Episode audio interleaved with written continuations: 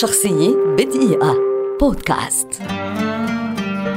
ألبير كاميو فيلسوف روائي وكاتب مسرحي فرنسي جزائري ولد عام 1913 في مقاطعة قسنطينة الجزائرية ويعد أحد أبرز وجوه الفلسفة والأدب على مر التاريخ.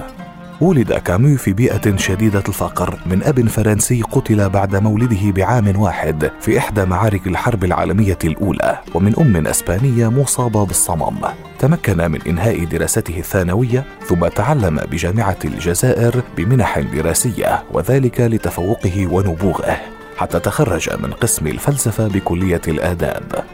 انضم للمقاومة الفرنسية أثناء الاحتلال الألماني وأصدر مع رفاقه في خلية الكفاح نشرة باسمها. ورغم أنه كان روائيا وكاتبا مسرحيا في المقام الأول إلا أنه كان فيلسوفا أيضا وكانت مسرحياته ورواياته عرضا أمينا لفلسفته في الوجود والحب والموت والثورة والمقاومة والحرية. وكانت فلسفته تعايش عصرها وأهلته لجائزة نوبل فكان ثاني أصغر من نالها من الأدب الأدباء.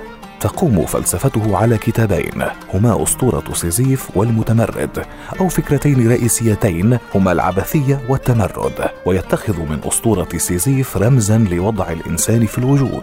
وسيزيف هو ذلك الفتى الإغريقي الأسطوري الذي قدر عليه أن يصعد بصخرة إلى قمة جبل ولكنها ما تلبث أن تسقط متدحرجة إلى السفح فيضطر إلى إصعادها من جديد وهكذا للأبد. من أهم رواياته الغريب والطاعون ومن أهم مسرحياته كاليغولا وسوء تفاهم ومن أبرز أقواله إن مهمتي ليست أن أغير العالم ولكنني أحاول أن أدافع عن بعض القيم التي بدونها تصبح الحياة غير جديرة بأن نحياها ويصبح الإنسان غير جدير بالاحترام.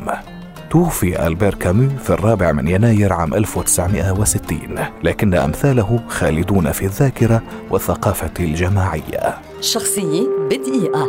بودكاست.